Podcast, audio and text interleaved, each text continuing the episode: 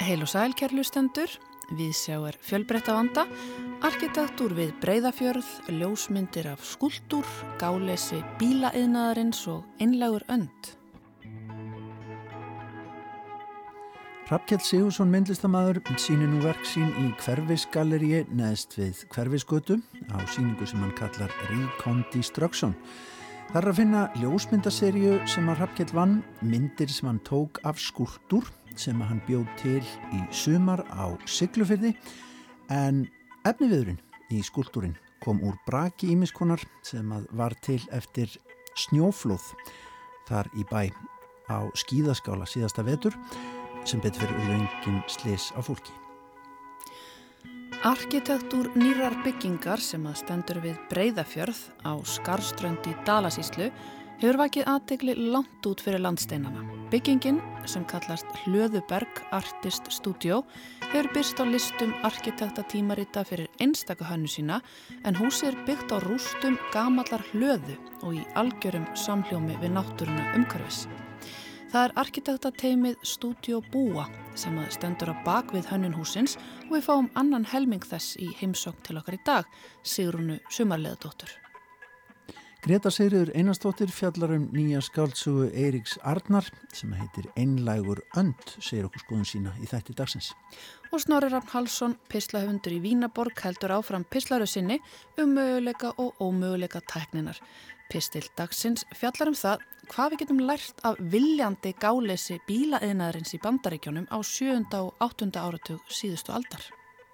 En við hefjum viðsjá í dag á ljóðlistinni, eitt af höfunskaldum þjóðarinnar, Hannes Pétursson. Fagnar 90 ára afmæli í dag, hann fættist á Söðakróki 14. desember 1931.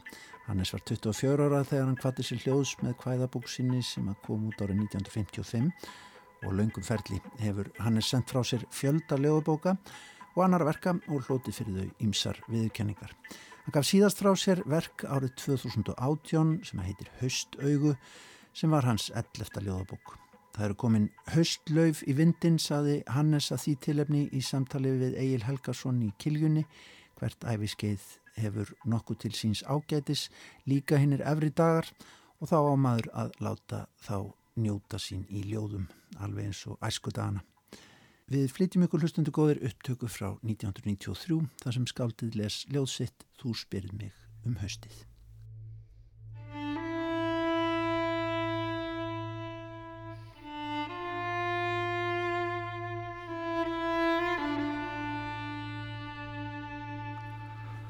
Þú spyrð mig um haustið. Þú spyrð mig um haustið.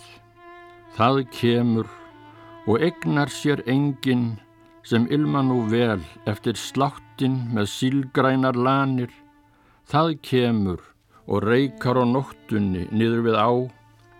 Og þar sem hún rennur gladvar hjá bökkum og blá bindur þá hörpu tunglsins þvert yfir vatnið og kallar á vindin, lætur hann leika á strengin, lung og dapurle rökkur stef og hlustar framöndir morgun en þú verður farin þá.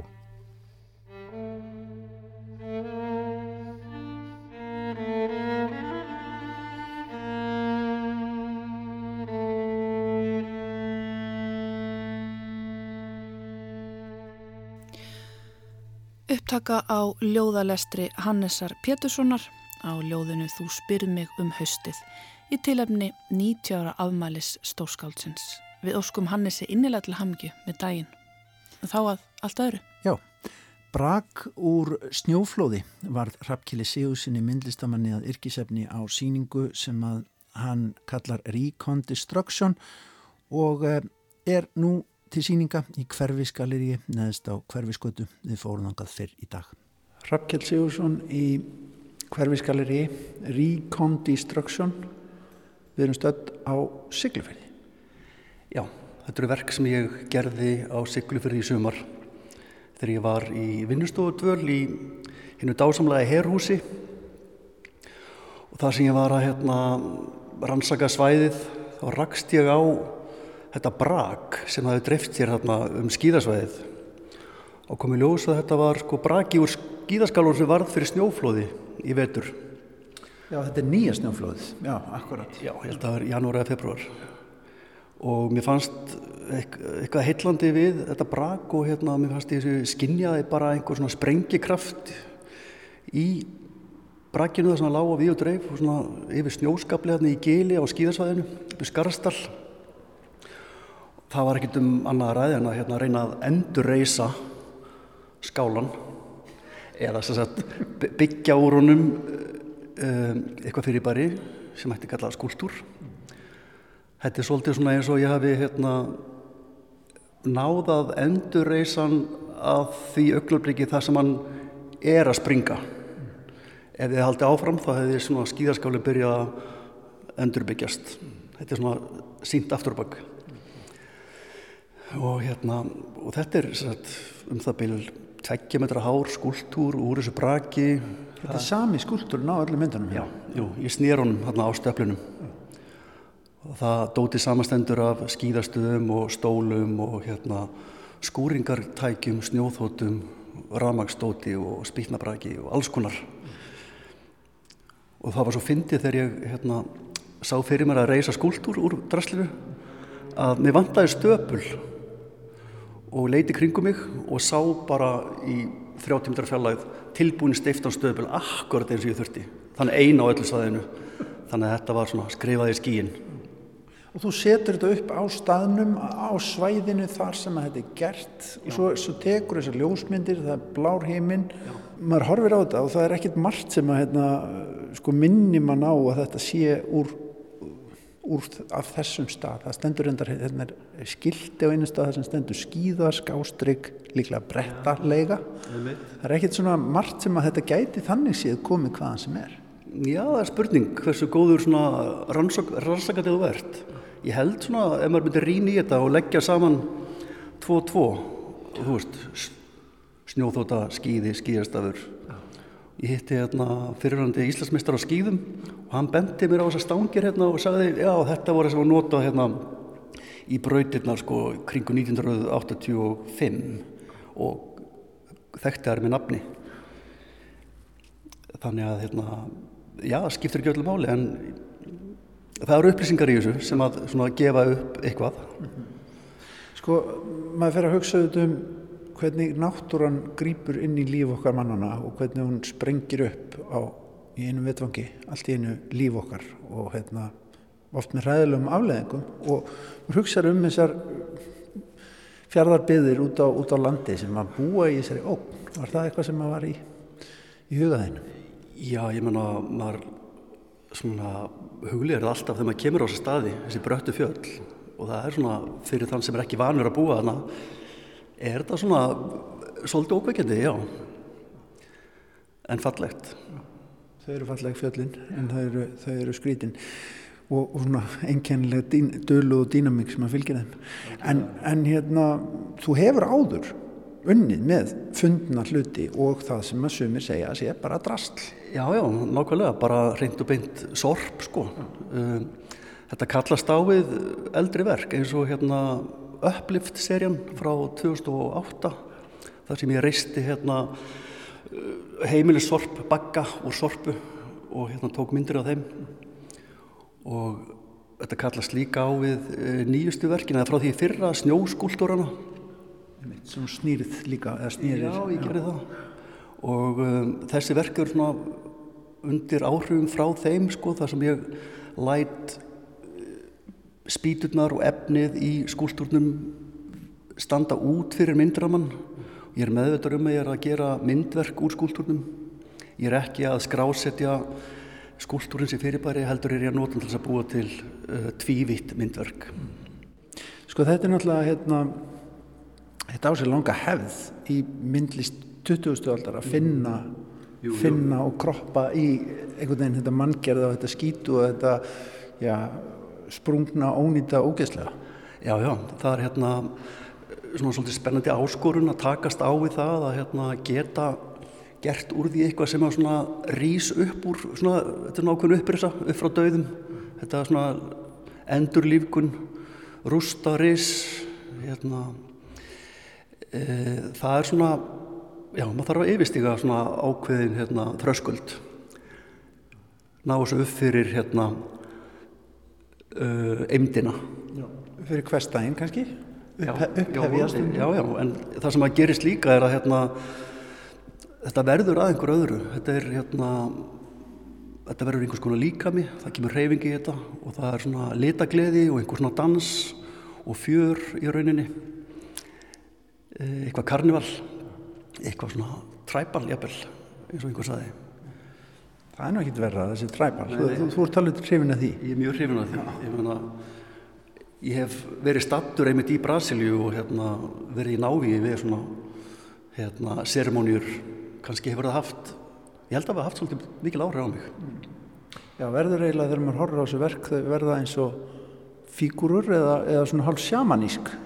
Hugsa líka til svona indjánahefðarinnar og, og fara út í og fara út í eðmörkinu. Já, ég, mena, ég held að ég reyni að tengja við eitthvað svona mjög frumstætt hjá sjálfum mér á þess að vera að hugsa neitt of mikið. Og reyni svona bara að tengja við náttúruna og hérna, vinna hratt og nota bara einhvern veginn svona lífskraftin um, og það er útkoman en hérna en það er svona einhvern svona konceptgrunnur samt myndi ég segja, þetta er svona tribal concept. Tribal concept, það er útkomið nýjan, nýja hillu. Já, já. En, en það sem að var sko raunni þá, þá gerist eitthvað. Ég, man, ég mæta svæðið og ég er tilbúinn og svo finn ég þetta dót. Það heillar mig og það er kraftur í því og mér finnst þess að ég sé bara taka einhver svona, einhverja náttúrukrafta í faðminn og halda áfram með hann Samt er þetta algjörlega manngjert. Auðvitað, auðvitað, algjörlega. En ég menna, náttúrun er í mér og það er, þú veist, innræð með okkur búa einhverju kraftar. Þannig að já, ég er að vinna með eitthvað svona frumstætt. En hvað er það við það fundna, sorpið, drastlið, spýtnabrakið sem að heillar þig?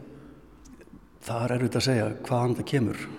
Frá mömmu sennilega en hérna það er bara eitthvað svo bara að finna fjársjóð. Hvernig var áhugum á þessu? Hún talaði alltaf um þetta hérna, hún leik sér mikið á öskuhaugunum ruslahaugunum á seyðisfyrði og bjóð til ímislegt úr drasli. Svona ég fór bara að huglega núna í setni tíð já kannski er þetta einhver tenging.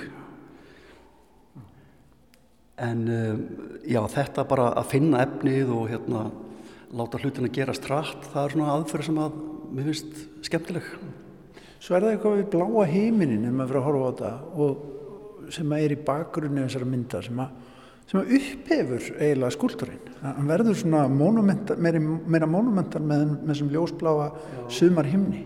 Já, hann er svolítið gott mótvægi við kannski eitthvað sem er svona frekar, ég segi ekki hryllilegt, en um, hann svona setur svona sakleisislegan sumardags blæ á þetta allt saman.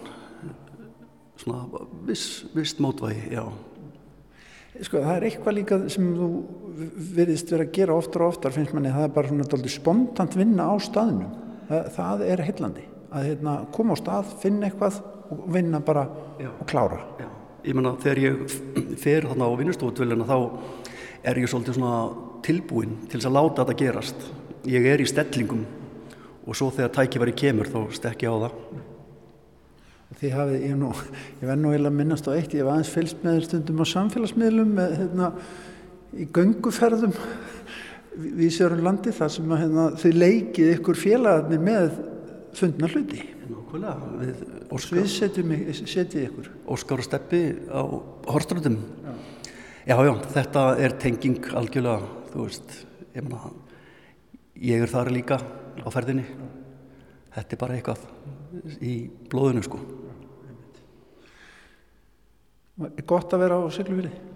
Alveg indislegt og ég er mjög þakkláttur hérna fólkinu hvaða var hérna liðilegt og hérna að leifa mér að róta hérna í draslinu og bara alveg dásanlegt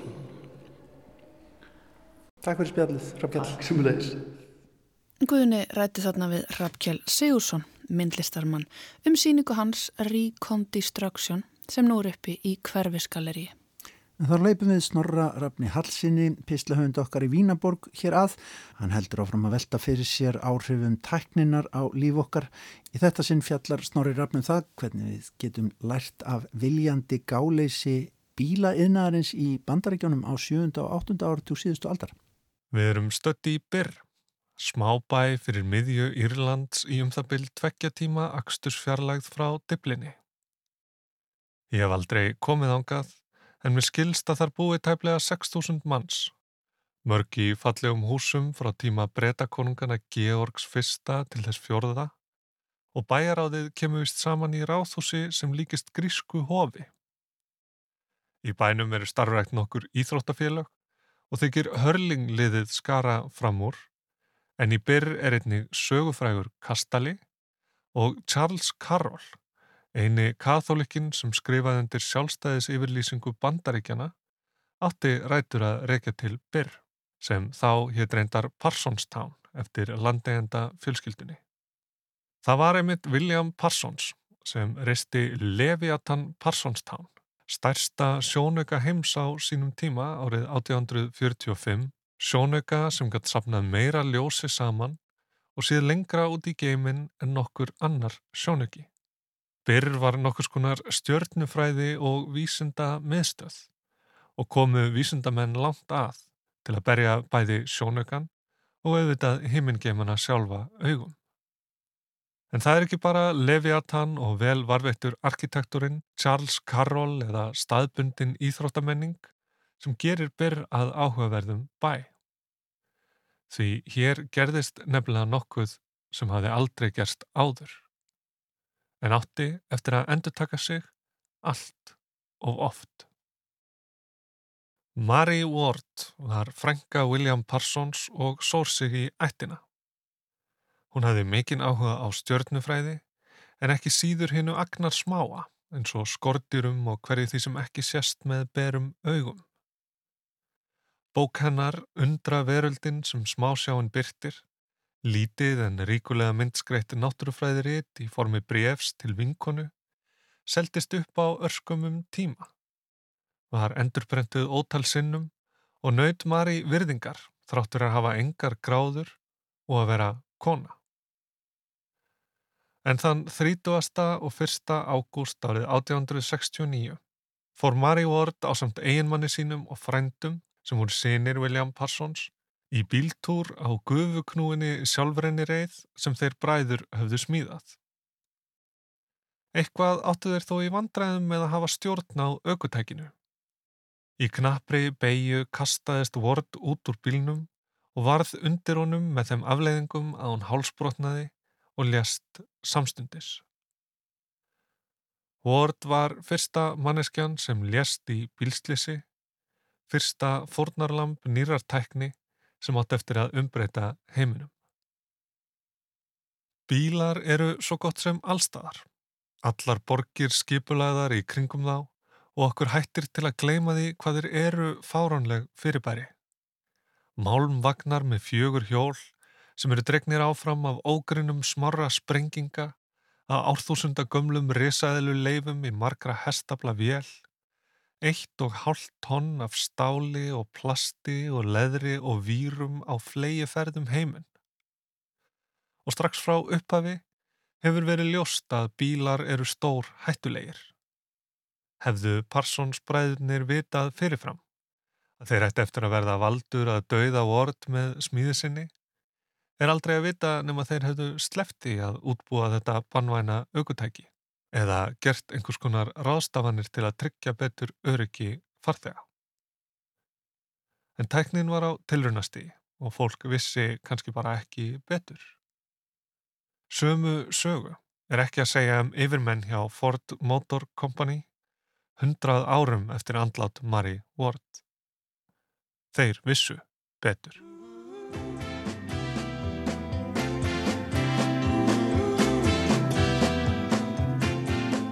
Síðla voss 1972 var Lily Gray á ferðsinu um hraðbröytir Los Angeles og með í för var 13 ára gammal nákvæmni hennar Richard Grimshaw.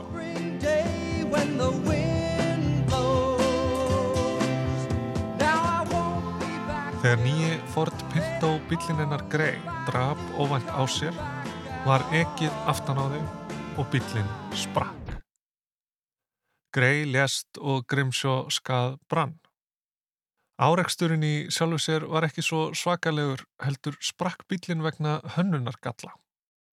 Galla sem Ford bæði vissi af og vissi hvernig átt að laga til að mynda með einföldu og afar ódýru plaststykki milli bensintanksins og aftari stuðarhans en Ford kaus að hunsa þennan galla.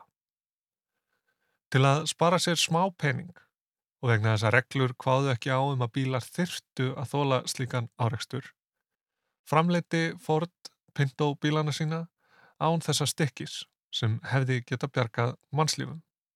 Ford hafði bókstaflega reknað sig niður á þá niðurstöðu að ódýrara væri að greiða fornalömpum bætur en að gera bílana örugari.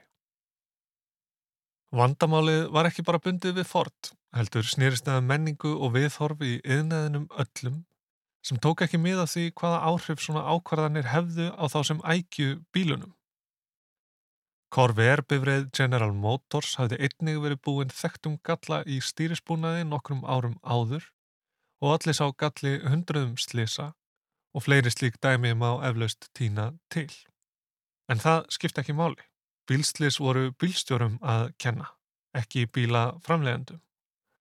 Og ólíkt því sem þekkist í dag þar sem öryggi er sölupunktur, óttuðust framlegendur að öryggisbúnaður eins og belti myndu fæla kaupendur frá. Úrbætur benda jú til þess að eitthvað sé að, ekki satt. Þannig streyttust bílaframlegendur á móti hvers konar lögjöf og kvöðum og stöðlum og veldu ábyrðinni yfir á þá sem ógu bílunum Hún var ekki þeirra sem byggu bílana til, vitandi vel að eitthvað væri að og að eitthvað geti komið upp á. Það skipti ekki máli þó hönnunin væri slæm og það væri hægt að lagana. Það var ekkert sem bannaði þeim að gera þetta og það borgaði sig að gera þetta, þannig að þeir gerðu þetta. Staðan í dag er að mörguleiti áþekk þeirri sem uppi var á þessum tíma. Löggjafar um allan heimna á engan veginn að halda ívið og hafa heimil á tækninni sem er í stöðugri þróun og er sleft út í samfélagið jafn óðum og hún verður til. Að vissuleiti liggur það í hlutarins eðli að lög og reglur séu á allt skrefinu á eftir tækninni. Hvernig eiga þing að geta sett lög um eitthvað sem varð til bara í gær? Hvernig eiga stopnarnir að geta búið til reglur um eitthvað sem engin veit hvernig virkar? Hvernig í ósköpunum eigum við að geta séð fyrir alla þær hættur, öll þau vandamál, öll þau úrlausnar efni sem komið geta upp? Hvað þá þegar þeir sem skapa, stjórna og græða á tækninni sjá sér engan hagið í? Að auki vilja ríki og stopnarnir ekki standa í vegi fyrir framþróun tækninar með íþingjandi kvöðum og eiga það þar með á hættu að fyrirtækinn flytjum set þanga sem þeim leifist meira eins og þekkist með skattaskjól og þessartar. En útkoman er svo að regluverkið verður veikt og lítið er til bræðs að taka þegar á reynir. Gerfigreind og algoritmar eru nýji bílaðinaðurinn og fornarlömpin eru þegar orðin allt of mörg. Tilraunir eru gerðar á grunlausum notendum internetsins og teknirísarnir taka enga ábyrð á því hvernig vörur þeirra eru notaðar og hvaða afleiðingar þær geta haft alveg eins og bílaframleðendur forðum. Gerfigreind mismunar fólki eftir kynþætti og efnahagsstöðu, kyni og bakgrunni, svo það fær ekki tækifæri til að koma sér fyrir í nýju landi, fær ekki vinnu, kemst ekki í skóla. Samfélagsmiðlar magna upp stanslaust flæði rángra upplýsinga, kinda undir sundrungu og samsæriskenningar, ruggla í kostningum. Forspárkerfi lögjastlu stopnana brennimerkja fólk svæði og aðtapnir og sjálfverkir algoritmar hald okkur í gíslingu við skjáin og óseðlegum bröðum er beitt til að hámarka skjáttíma barna og upplýsingasöfnun almennt. En ef við tökum brennslu, jarðefna, eldsneitis og aðför engabilsins að lífvænlegu borgar umhverfi út fyrir svega, er þó margt hægt að læra af bílaðinaðinum og því regluverki sem orðið hefur til í kringumann.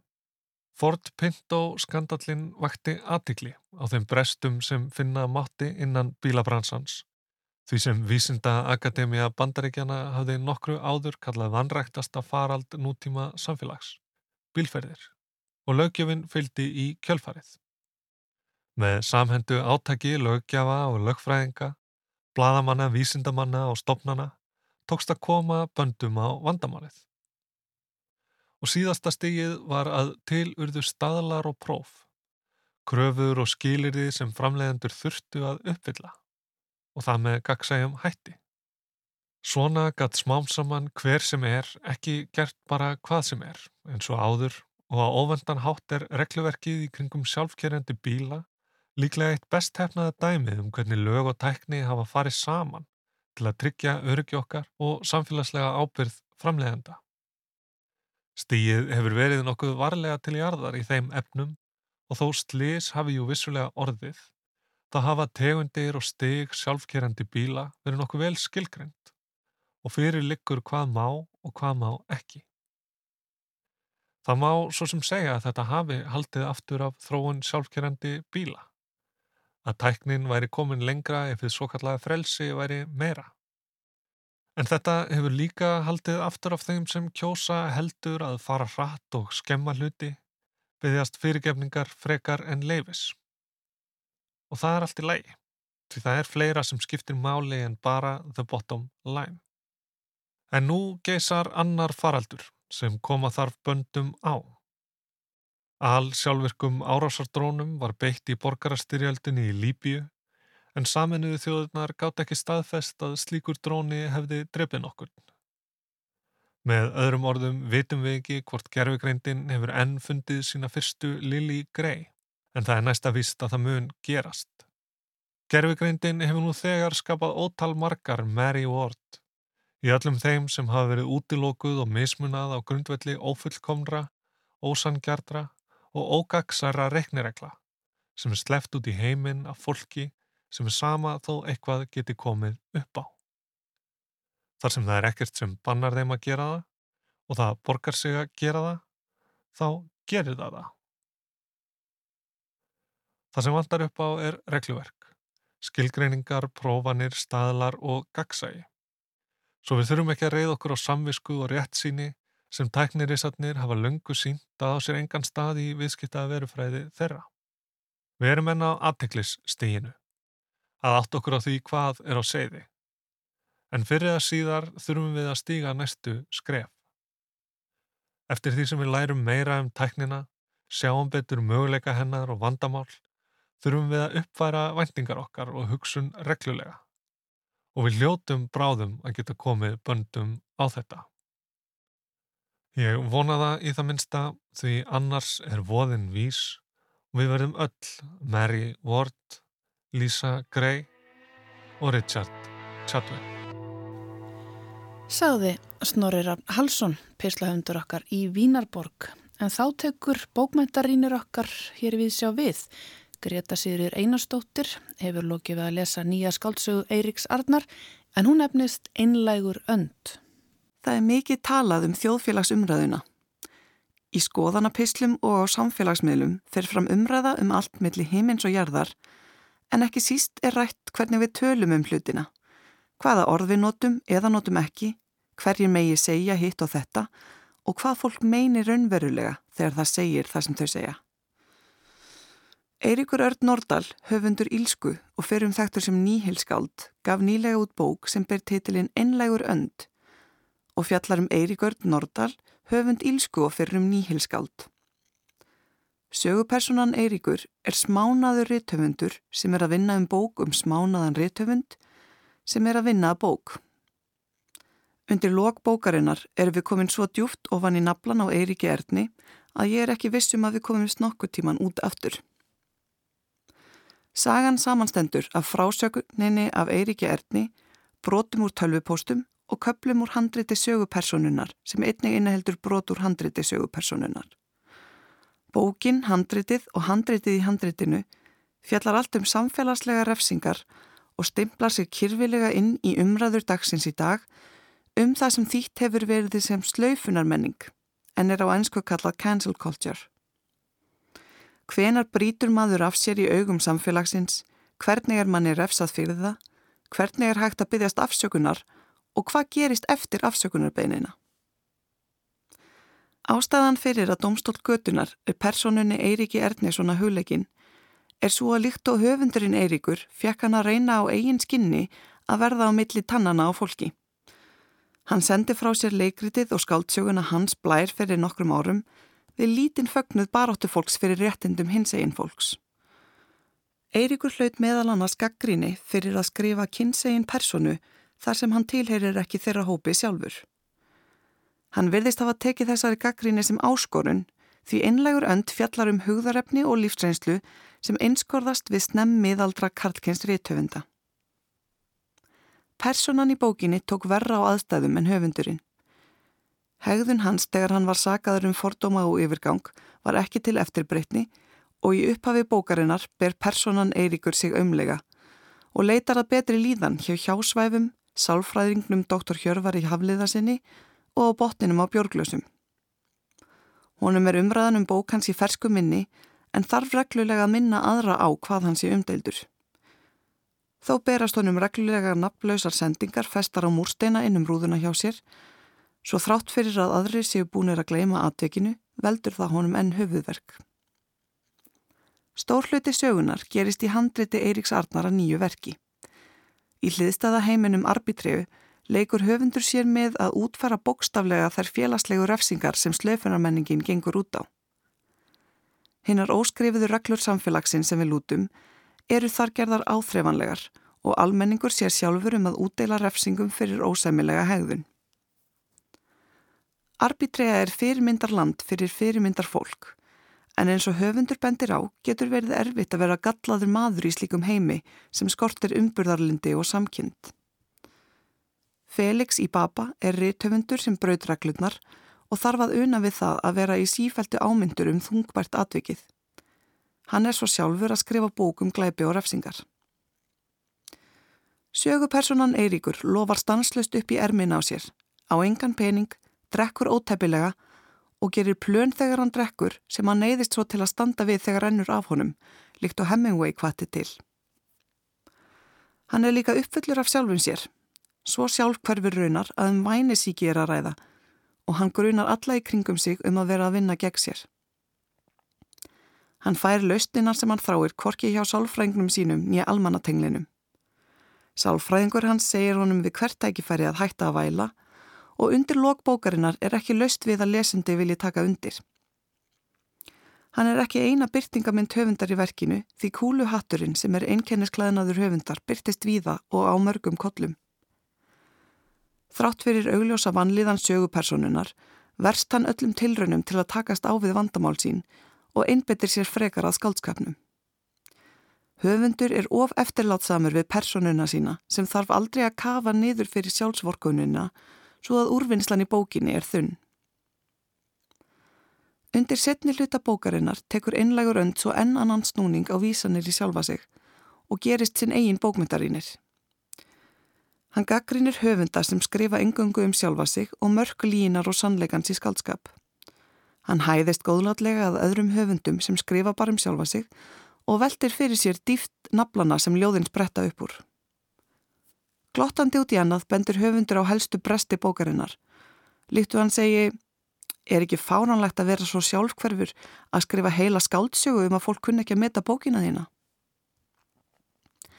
Retoríkin í bókinni virkaði þver öfugt á mig.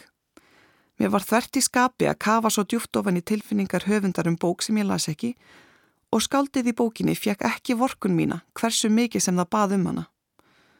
Það fór í taugarnar á mér þegar sjálf meðvitaður tekstinn reyndi í sífellu að stjórna lestrinum.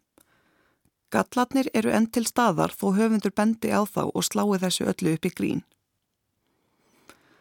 Allir sem hafa nokkuð tíman tekið þátt í rökræðum á internetinu ættu að vita að um leið og þær fara að fjarlagast kjarnamálsins og fjalla þessi staðum viðbröðin og hvað hver sagði og hvenær er lungu komin tími til að lokka sig út. Lesendur þurfa að hafa háan þröskuld fyrir sjálfsvorkun en það er einlegur önd málsvörn Eiríks Arnar í lungu fyrndum skandal. Hún tæpir þó líka á mörgum punktum í samfélagsumræðu síðustu ára og bendir á hvað það getur verið þungbært að verða fyrir linnulausu grótkasti hinn að syndlausu. Saði Greta Sirjur Einarstóttir um einlægan önd, skáltsögu Eiríks Arnar Nordal. Sigrún Sumarliðadóttir er einn arkitektana á bakvið bygginguna Hlöðuberg í Dalasíslu sem hefur vakið mikla aðtegli í erlendum fjölmjölum fyrir einstaka hannun sína en húsið er byggt í algjörum samhljómi við niðurnýta hlöðu og náttúruna umhverjus hana. Löðuberg hefur komist á hérna ímsu lista yfir framúrskarandi arkitektúr, er til dæmis á lista vefsins Design Boom yfir hús Ársins 2021 og hlaut á dögunum viðkenningu frá Architectural Review. Húsið er hannað af Studio Búa sem að Sigrún rekur á samt félaga sínum. Velkomin Sigrún í Vísjá. Takk fyrir og til hamingi með þennan árangur og þetta glæsilega hús og þessar viðkenningar sem þeir að fá þessa dagana. Já, takk fyrir ekki alveg. Áðurinn ég byrðum að lýsa fyrir mér ferlinu og húsinu og öllu þessu hérna, stúdíabúa, segð mér þess frá ykkur.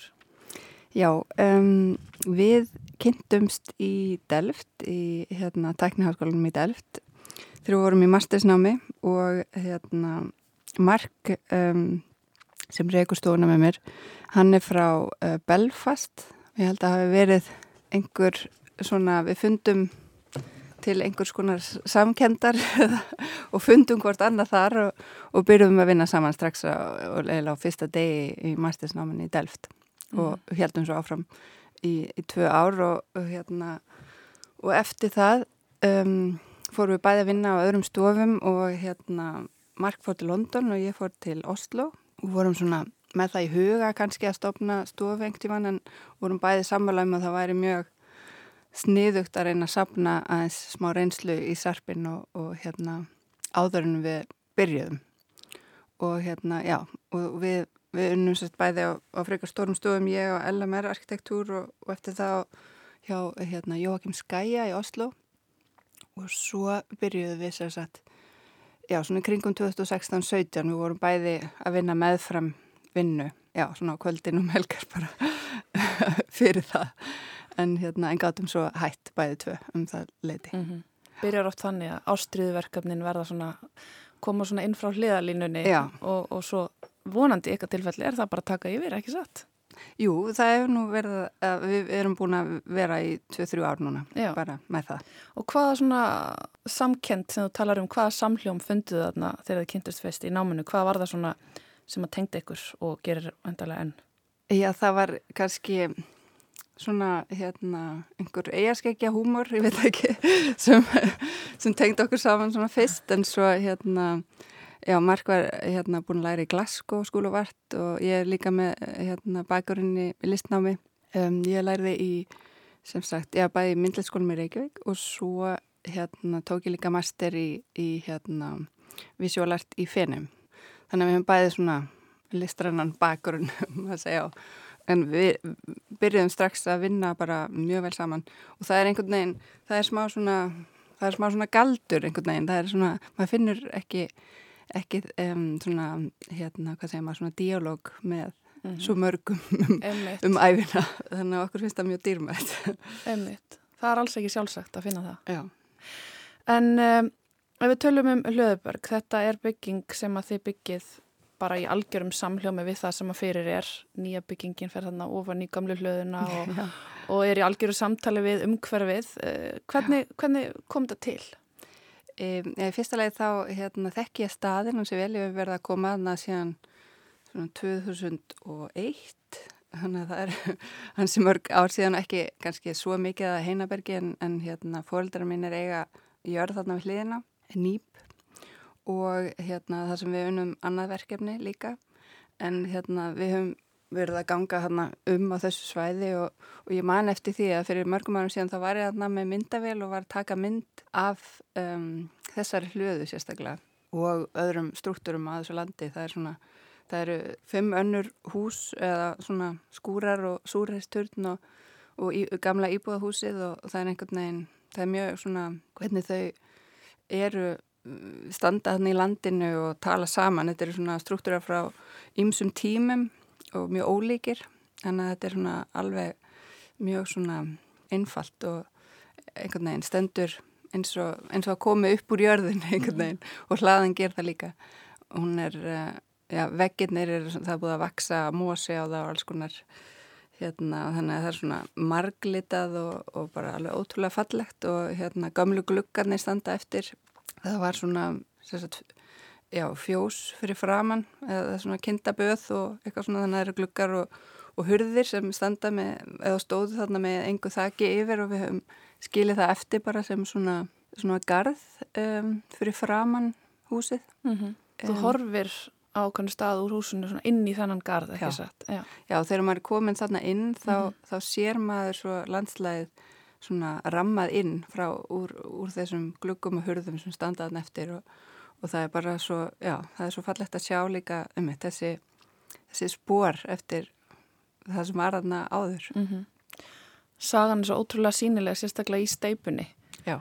Einmitt. Já, já maður sér líka hvernig, hérna, hvernig hún var sett saman hvernig þetta var byggt. Þetta er náttúrulega gert bara úr sandi, úr, úr fjörinu aðna fyrir neðan og um, já, gamli vegurinn er ekki svo mikið játn í honum. Þetta er bara mjög mjög stóri steinar sem, sem er hérna, já, eh, steipan er saman sett úr og hérna í nýju glöggunum með mitt þá höfum við bara sagað úr mjög svona einfalt til þess að fá meira ljósinn á, á fyrstu hæð og hérna og þá sér maður sérsagt efnið sem, sem veggurinn er gerður úr bara, er, mm -hmm. já, þannig að þessi steinar sem er bara svona, já, svona, hérna, hvað segir maður, sneiðingi gegnum, það er alveg, það er eitt af þessum svona deilum sem, sem okkur finnst mjög fallega. Mm -hmm.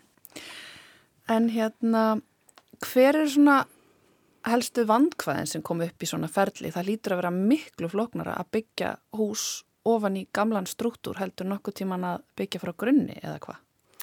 Jú, þetta er aðeins floknar en að bara rýfa og byggja nýtt eins og, eins og hérna, já, kannski flestir myndi gera en það var hérna alveg frá, frá fyrsta degi var það bæði það sem okkur fannst skemmtilegast og eigundunum líka þau, þau skildi það og, og hafðu áhugað því að, að hérna, viðhalda struktúrnum um, en En sem sagt við þurftum að spá í og við gerðum marga tilraunir og, og hérna hönnunarferillin var hansi langur og við vorum að tekna sagt, inn í það var alls mikið í prógramun sem þurfti að vera með og hérna sundum letu við nýja struktúrun vaksa út úr og fara yfir veggin og svona.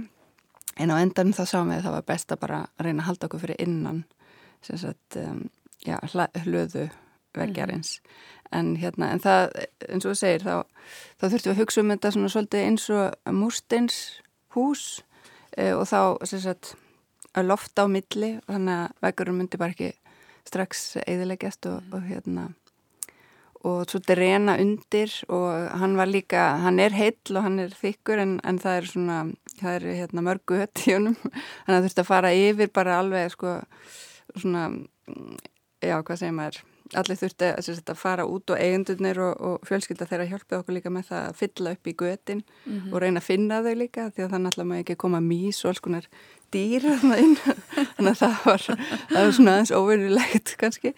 Og, hérna, og svo líka það að við vildum ekki hilja gamla veggin alveg með stegar lokonum alveg. Var, þannig að þetta var alveg svona bara alveg svona restoration svona endurgerð á gamla vegnum en við gerum okkur grein fyrir að þó að það yrðu svona viðgerðar blettir eða svo leiðist þá er það eiginlega bara eh, svona mm, eins og gamli veggjurinn eða svona við heldum áfram að þeir eru svona eh, hugmyndafræði mm -hmm. það svona innan svega sem er hérna fyrir mm -hmm. þess að maður gerir bara við það sem gera þar við og það sést og, og það er bara allt í lagi og svo, og svo, mm -hmm. og svo eh, já, verður þetta að einu eftir smá tíma eftir alls að fara að vera sínilega og mynda reyna heilt. Já, einmitt. einmitt. Já. Og þau er greinlega unnið þetta miklu samtali við eigandir. Já, algjörlega. Það var mm. eiginlega alveg frá fyrsta degi. Við svona komum fyrir eitthvað fljótt með þessa hugmynd samt að, að setja léttan struktúr ofan í hérna, stöftu veggina mm. og, og þeim leist mjög vel að það en svo voru við mjög hérna, nánu samstarfi við, við þau og, og hérna, sérstaklega guðruna því að stór hluti er af hérna prógraminu er sérsagt vinnustofa hennar þannig að það var mjög mikilvægt líka og við hérna stúderiðum það mjög náið bara bæði með henni og, og við sagt, bara byrtuskilirði og, og hvernig væri þetta að þetta veri sagt, praktísk vinnustofa líka fyrir, mm -hmm. fyrir listamann mm -hmm. Sko þessi pæling að, að nýta það sem að fyrir er við þetta sjáum þetta aldrei í arkitektur í dag vegna þess að þetta er kannski líka bara svar við tíðarandanum það er allir að hugsa um að minga kólefnusspor og, og nýta efni og vera bara vistvæn og nýta lokal ráefni og svo framvegis Einmitt. en er þetta sko þú þetta þekktar hann að stað og þetta kemur til eitthvað þetta verkefni en er þetta ákveðin aðferðafræði sem að þið eru að tilenga ykkur eða er þetta eitthvað sem kemur tilvæglega kent til ykkar? Eða? Nei, þetta er eiginlega svona rauð þráðurinn hjá okkur. Við vinnum með hérna, struktúra sem eru aðna fyrir og við sjáum kannski ekki svo mikið mun á því að að fá eða svona vinna í opnu landslægi eða inn í bæ þar sem þú ert alltaf að díla við uh, já, hérna, bara það sem er í kringum við, umhverfið einhvern veginn, mm -hmm. þú veist, hvort sem það er nýtt hús eða eldra hús og, eða ekki neitt, þannig að eiginlega, já, maður er alltaf með eitthvað uh, hérna þegar maður byrjar mm -hmm. og það er mhm. náttúrulega mest spennandi, það er það er mjög erfitt að vinna með eitthvað sem er svona svo kallar tabula rasa sem er hvít mhm. blað mm -hmm.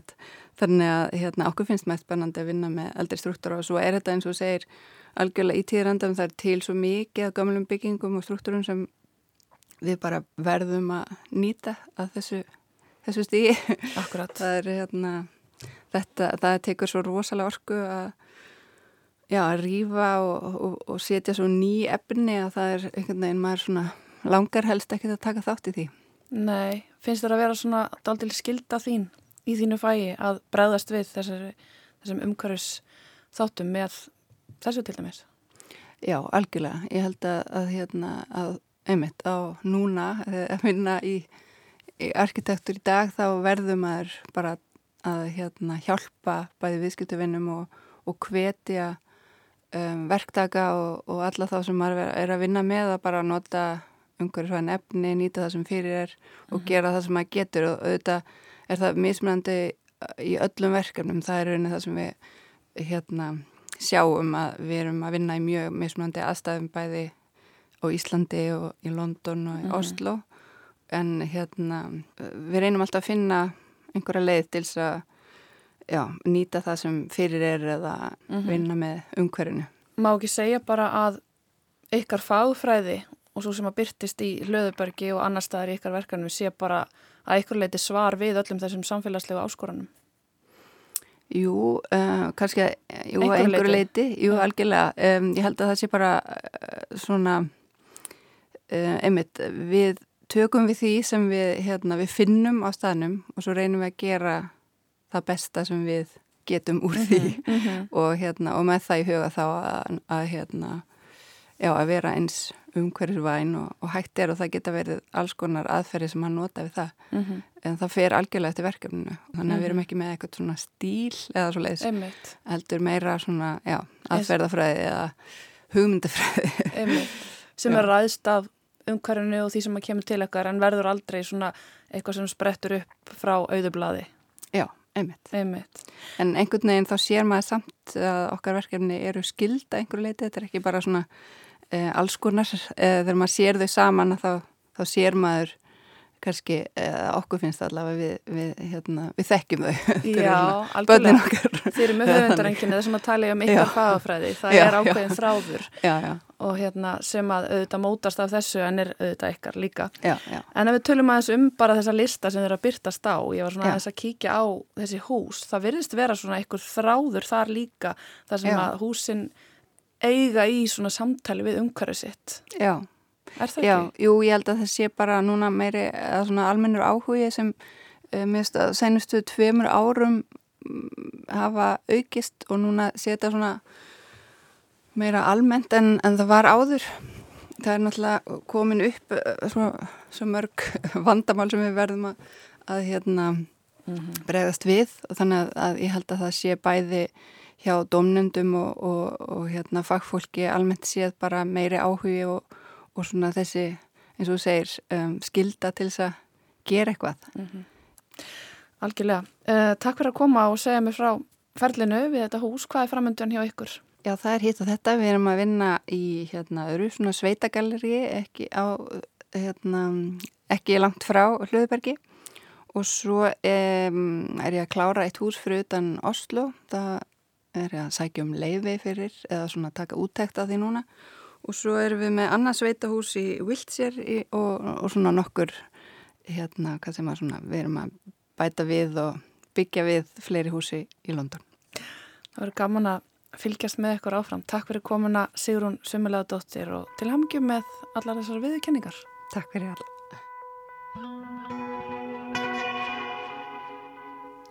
Og umræðum arkitektur á Vesturlandi líkur við sjá í dag. Við þakkum ykkur samfélgina. Verið sæl. Verið sæl.